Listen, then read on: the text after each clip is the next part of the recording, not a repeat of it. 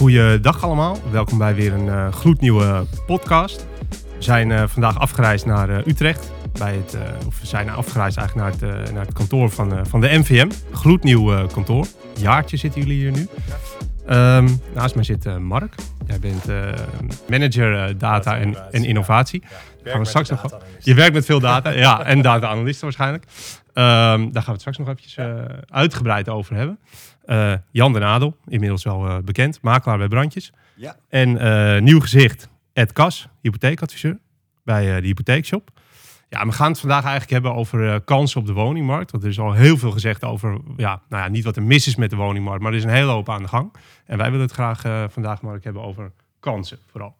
Mooi. Um, ja, kan jij kort toelichten wat, jij, wat je precies doet bij, bij de NVM? Ja, ik, nou, ik werk als manager data en innovatie bij de NVM is een beetje tweeledig. Data geeft onze makelaars inzicht in hoe die woningmarkt beweegt, wat er gebeurt. En daarmee kunnen ze ook hun klanten beter adviseren om een goede besluiten te maken rondom de verkoop of aankoop van hun woning. En de innovatie is juist hoe je die data in mooie producten en diensten kunt omzetten voor de makelaars. Maar ook samen met onze deelnemers, ook soms wel een stukje voor de consumenten. Om eigenlijk zo dat hele woonproces, die woonreizen, zo aangenaam mogelijk te maken, zowel voor de makelaar als voor hun klant. Oké. En daarbij de beste inzichten en diensten kunnen verlenen. Ja. ja. Oké. Hey, ja, en om maar uh, meteen met jou te beginnen en uh, met, de, met de deur in huis te vallen. Wat, uh, welke kansen zie jij op dit moment, met name voor, voor, voor doorstromers? Of zie je juist misschien nu wel kansen voor starters? Ja, ik zie sowieso altijd kansen. Dat is een beetje innovatie eigen. Je wil altijd kansen zien. Um, je hoort veel over de woningmarkt op dit moment. dat de prijzen dalen, et cetera. De rente stijgt. Mm -hmm. die rente is gestegen, maar is nog steeds 4, 4,5 procent. Dus historisch gezien valt dat best nog wel mee. Um, ik hoorde laatst een hele mooie analyse. Als de markt heel hard omhoog gaat, dan heb je een verliezer. Dat is vaak de koper. En als hij heel hard omlaag gaat, heb je ook een verliezer. Dat is de verkoper. En ik denk dat de markt op dit moment heel hard omlaag gaat hij niet. Hij is wel iets gedaald. Maar ik denk juist dat hij wat evenwichtiger aan het worden is. En dat biedt juist weer kansen voor beide partijen. Zowel voor de starters als ook voor de doorstromers. Doorstromers denken misschien nu, oh, mijn waarde daalt wat. Maar ja, dat geldt voor alle huizen. En het is relatief gezien valt het ook nog wel mee. Ja. Dus het blijft gewoon kansen. En uh, ik denk dat juist die rust op de woningmarkt fijner is voor iedereen. Hm. Ed, hoe zie jij dat? Nou, als jouw rol uh, als hypotheekadviseur? Nou, ik wil aanhaken bij uh, wat er al gezegd is. Dat de rente in feite niet zo heel hoog is. Ja. Als je hem historisch bekijkt, de laatste 100 jaar heb ik redelijk in beeld. dan is hij denk ik 60, 70 jaar lang boven de 4% geweest. Met een piek ergens in 1980 geloof ik van 13 procent. Dus hij zit eigenlijk nu aan de onderkant van het normaal. Ja. En ik denk dat dat een boodschap is die voor heel veel mensen eigenlijk uh, ja, duidelijk moet zijn. Dat je eigenlijk, als je hem nu voor 10 of 20 jaar vastzet tegen 4 procent, dat je eigenlijk hartstikke goed doet. En, en daarnaast, hè, want dat is misschien ook nog wel een kans die heel veel mensen zich niet realiseren. Maar mensen die twee, drie jaar geleden de rente hebben vastgezet voor pakken mee 2, 3 procent, die hebben misschien een meeverhuisconstructie in een hypotheek. Ja. En die kunt dan een hele hypotheek uh, mee verhuizen naar de andere woning. Tegen die 3% die ze misschien nog hebben. En dat biedt natuurlijk ook in je, in je, in je aankoopbeslissing een hele grote kans, in mijn ogen. Los nog even hè, van. En de NAG-grens is natuurlijk wat aangepast, hè, dat weet iedereen. Uh, er is nog steeds een, een, verruiming voor je vrijstelling voor je uh, ja, overdrachtsbelasting, volgens mij. Dus er zijn allerlei maatregelen die de overheid heeft gecreëerd, als het ware, die, die ook weer een kans bieden voor heel ja. veel mensen. Is het ook niet dat in de media wordt natuurlijk heel erg geroepen van ja, die rente stijgt, die rente stijgt. Dat mensen al, zo, al heel snel zoiets hebben van oh, dan zal het wel niet goed gaan, zeg maar. Want ja, je hebt het net over 4%, is eigenlijk helemaal niet zo heel hoog. Maar ja, mensen zijn natuurlijk jarenlang, uh, wat is het, 1, 2% uh, gewend.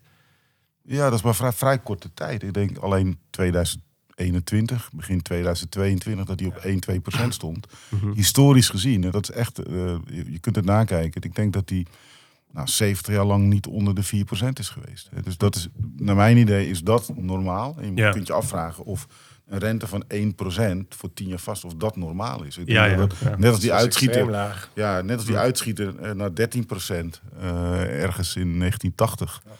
Uh, dat was ook niet normaal. Nee, ik, als ik daarop in mag haken, denk ik dat dat eigenlijk in het hele vastgoed wat we gezien hebben, uh, prijsstijgingen van 10 tot 20% per jaar is niet normaal. Is niet normaal. Uh, je huis verkopen binnen een dag is ook niet normaal. Nee. En uh, een rente van 1,1 of 1,5 procent is eigenlijk ook niet normaal. En ondanks dat het voor sommige partijen wel heel lekker is om die lage rente te hebben, of om je huis binnen een dag te verkopen of om die prijsstijging te hebben, kunnen we met z'n allen wel vaststellen dat het niet normaal is. En we zagen dat in het tweede halfjaar van het vorig jaar zagen we dat echt veranderen. En ook een beetje een schrikreactie bij de koper teweeg brengen van, oh jee, wat gaat er nu gebeuren? Ja. En tuurlijk hoor, we hebben het er al over gehad, hè, de prijzen zijn wel wat gedaald. Mhm. Maar een eh, keiharde daling, ehm, zoals die eerder wel voorspeld is, ehm, ja, denk dat dat nog wel meevalt, want er wordt ook nog steeds heel veel verkocht. En als we dat in het licht bezien, wat Ed net mee zegt van het meenemen van een lage rente, dan is dat ook niet echt een reden om te blijven zitten waar je zit op het moment dat je je eh, aantrekkelijke rente mee kan nemen en toch kunt verhuizen naar het huis van je dromen. Ik wil net zeggen, uiteindelijk is ook een verhuizing is ook als jij je droomhuis ziet, pak die kans. Dan laat je natuurlijk goed adviseren over je financiële Ja. mogelijkheden. Of die woning iets voor jou is. Daarvoor heb je ook een makelaar natuurlijk. Ja, Maar als jij die plek ziet, daar zijn altijd kansen voor. Het zou Ja. zonde zijn om die te laten liggen op dit moment. Maar laat je daarin wel goed adviseren, zoals je dat altijd ook moet doen. Ja. En in begeleiden natuurlijk. Ja, dat moest ook eh, als het ware in die markt die eh, oververhit was, moest dat al. Ja. Maar ik denk dat die noodzaak alleen maar groter is geworden om je bij te laten praten door een eh, financieel professional, door een aankoopmakelaar en natuurlijk een verkoopmakelaar om een realistische inschatting van de verkoopwaarde en de mogelijkheden van je huis in beeld te brengen. Iets meer voorzichtigheid in achter te brengen kan helemaal geen kwaad. Nee, absoluut. Ehm, maar als je je goed laat informeren, denk ik dat er echt nog steeds heel veel mogelijk is. Nou, Ja. ik wil daarop aanhaken bij jou, Jan. Want de, de synergie die je, die je kunt hebben als je dus en een makelaar neemt en een hypotheekadviseur... en die twee ook goed laat communiceren met elkaar over de kansen van zo'n klant. Ehm, uiteraard met medeweten van de klant, hè, laten we duidelijk zijn. Ja. Want je hebt AVG-regels, dat snap ik. Maar dat je juist die combinatie van aan de ene kant je hypotheekadviseur... en aan de andere kant je makelaar die de markt kent, zeg maar, dat die combinatie van, van deskundigheid een klant verder kan helpen. En die kans wordt nog vaak niet goed uitgelegd. De- Die rol is ook bij ons om die klant mee te nemen. Zeggen, joh, neem nou die professional in de arm hè, en, en laat je goed begeleiden. Dan zijn er nog steeds kansen. Wij moeten vaak dingen afstemmen. Dat doen we in de praktijk heel veel met, met eh, de andere professionals, zeg maar. Nou, maak daar gebruik van. Ja, Ja. ja zeker waar. Sluit ik me bij aan. absoluut. Ed, je had het net al even kort en heel snel over die, over die verhuisregeling. Kan je in een soort van eh, Jip en Janneke taal toelichten eh, wat, wat dat dan precies inhoudt? Nou goed, de meeste banken hebben een zogenaamde verhuisregeling. Hij verschilt van bank tot bank. Dus het is belangrijk dat je je goed laat informeren door een adviseur. Van hoe zit die regeling precies in elkaar? Wat zijn de consequenties daarvan? Ehm, maar stel je voor, je hebt je rente eh, drie jaar geleden vastgezet voor 20 jaar tegen misschien 2,2 procent. En je ziet nu een andere woning, je wilt doorstromen. En je denkt, ja, dat kan allemaal niet, want de rente is hoger. Nou, dan kan de adviseur voor jou nakijken of je met die 17 jaar dat die rente nog vaststaat, of je die mee kan nemen naar je andere woning. Hm. Nou, in de, in de meeste gevallen kan dat. En eh, biedt dat dus in mijn ogen enorme kans om toch je droomhuis te Want verwezenlijken. zie je, dat, zie je dat daar nu meer gebruik van wordt gemaakt dan... eh, Absoluut. ja? Absoluut. Ja. Ja. Maar positief gegeven dus. Dit, is- ja, ja, ik vind het een positief iets. Het is voor het eerst eigenlijk in mijn lange carrière dat ik nu gebruik maak van die verhuisregeling. Ja. hè, Want hij is Oh, er al heel lang. Maar voorheen deed dat natuurlijk niet, want je zat in een dalende eh, Ja. rentemarkt. Maar nu eh, zien we dus echt Ja. dat mensen daar gebruik van maken. Absoluut. Ja. Ja. Ik kan me wel voorstellen in deze markt, omdat hij wat meer in beweging is, dat juist ook, naast wat jij mooi aangeeft rondom die betekende kansen die daar bestaan, ook met de makelaars. Eh, Eerder gaf men aan in de hele krappenmarkt, ik heb sneller een aankoopmakelaar nodig. En mensen twijfelen daar nu een beetje over. Ik zeg juist, je hebt die aankoopmakelaar nu ook nodig. Na een stukje ontzorging wat zo'n makelaar natuurlijk voor je doet. Maar ook in die onderhandeling. Want er zit misschien weer wat meer onderhandelingsruimte aan de aankoopkant. En juist aan de verkoopkant kan ook die makelaar je weer helpen bepalen om de juiste prijs te vinden. Wat in die markt die toch wat in beweging is, wel wat lastiger is dan voorheen. En dat, daar zitten dus ook weer mooie kansen aan beide, beide kanten in Ja. feite. Ja, zo zie ik het ook, eh Mark. Ja. Ja. Hey Jan, en eh, kijk, starters kwamen natuurlijk de afgelopen jaren eh, heel moeilijk eh, aan bod. ja. Denk jij dat dat nu... Dat, dat er misschien een kantelpunt eh, Ja. gaat komen? Dat de starter misschien toch alweer eh wat kansen heeft? Zeker. Ehm, laat ik wel vaststellen, de, de- de- het is niet zo dat eh, alle starters nu probleemloos aan huis worden geholpen. Hè? Dus laat ik hem wel nuanceren. Alleen de, eh, de extreme lastigheid voor een starter om, eh, laat ik maar even zeggen, het huis uit te gaan, Ja. eh, dat is iets verlicht. En ik nuanceer het eh, bewust, want het is nog steeds heel lastig, maar de kansen zijn iets groter. Als je nu ziet dat het woningaanbod eh, met een jaar geleden ongeveer verdubbeld is, eh, ja, zijn er iets meer kansen. Ja. En ehm, de starters zullen zeggen, ja, heel betaalbaar is het nog steeds niet. Dat klopt. Dat is helemaal waar. Ja, Maar er valt ietsje meer te kiezen. Er valt nu ook ietsje meer te onderhandelen. En het extreme overbieden, wat in, tot een jaar terug nog dagelijkse kost was. Ik wil niet zeggen dat het helemaal niet meer hoeft.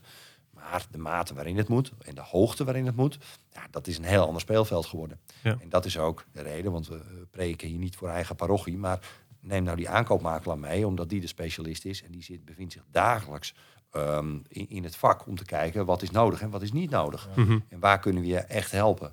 Ja, En, absoluut. ehm, maar ik ben ervan overtuigd dat, eh, dat er voor de starter nu eh, meer te doen is dan Ja. een jaar terug. ja. Daar sluit ik me zeker bij aan. Eh, alleen al uit, vanuit het oogpunt van financiering is eh, ook per 1 januari voor de twee verdieners de, de ruimte om op inkomen wat te lenen wat verruimd. Ja. Eh, dus het tweede inkomen telt voor 100% mee. Ja, dat biedt aan zich ook weer extra ruimte voor die consument om toch die woning te pakken die, die ze graag willen. En daarnaast ook wij zien dat heel veel klanten dus niet meer zoveel over hoeven te bieden. En dus minder eigen geld hoeven in te brengen om die woning te kopen. Dus het, het kwestie van ja, hoeveel eigen geld moet je meenemen.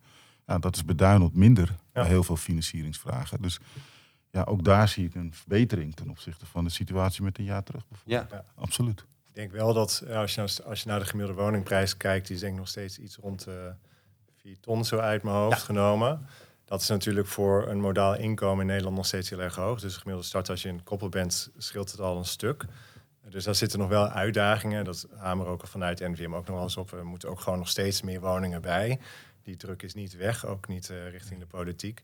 En je ziet ook tegelijkertijd dat die prijzen bij bestaande bouw en woning en nieuwbouw ook aan het uit elkaar lopen zijn. Wat ook Ja. nog iets is, omdat steeds meer eisen aan nieuwbouw worden gesteld. Eh, soms ook wel terecht met verduurzaming. Maar dat zijn echt nog wel vraagstukken. Dus ondanks dat de markt iets rustiger wordt, en ik helemaal mee eens, de start heeft zeker meer kansen. Wil dat niet zeggen dat andere issues die er nog zijn, als te weinig betaalbare woonruimte nee en hoor, zeker woningen. niet. Die zijn niet verdwenen als sneeuw voor Nee, de dus dat is Nee. eh, precies. Ik hoop niet dat de politiek op hun lauren nu gaat eh, rusten. Nee, Nee. die indruk heb ik niet en dat hoop ik ook niet. Nee, Eh, dat, eh, dat hoop ik zeker niet. nee.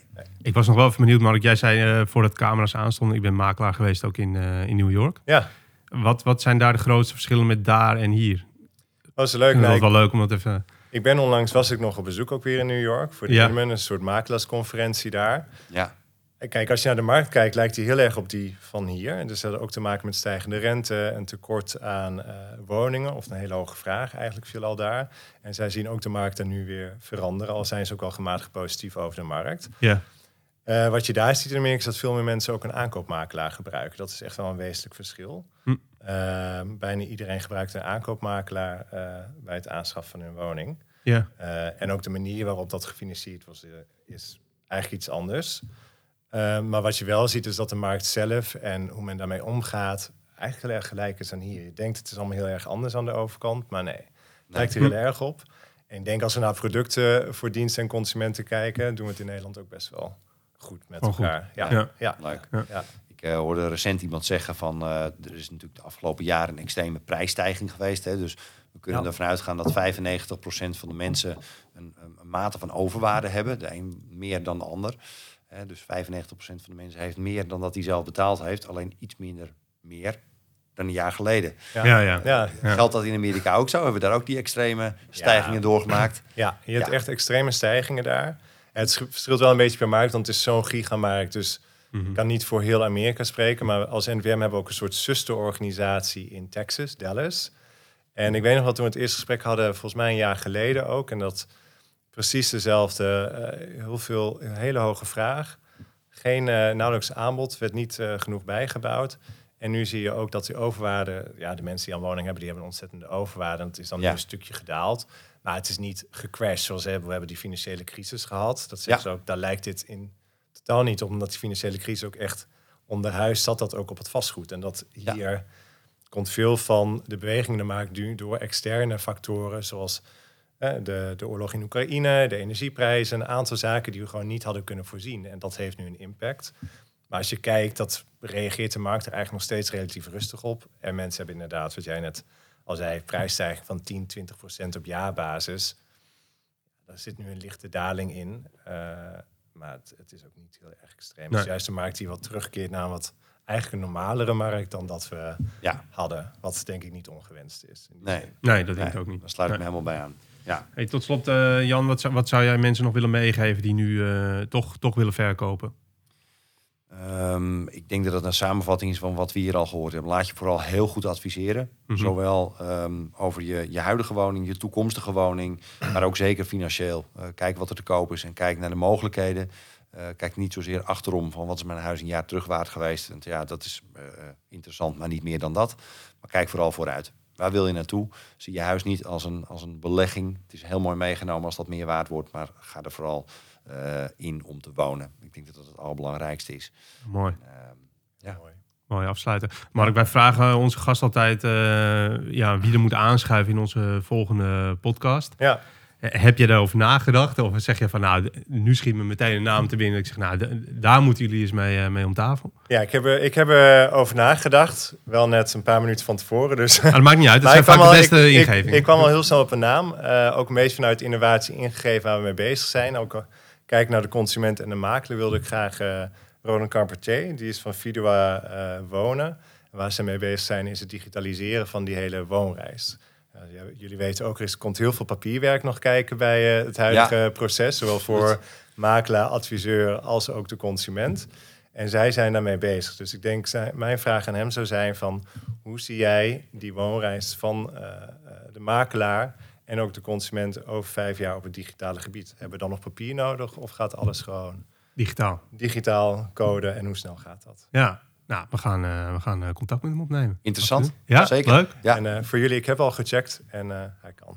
Hij kan. Oh, oké. nou, nou, nou, nou, dat is helemaal makkelijk.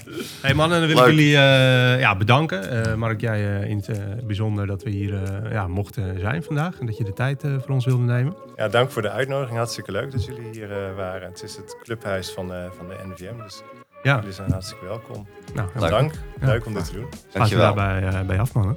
Ja, Dankjewel. Super. Dankjewel.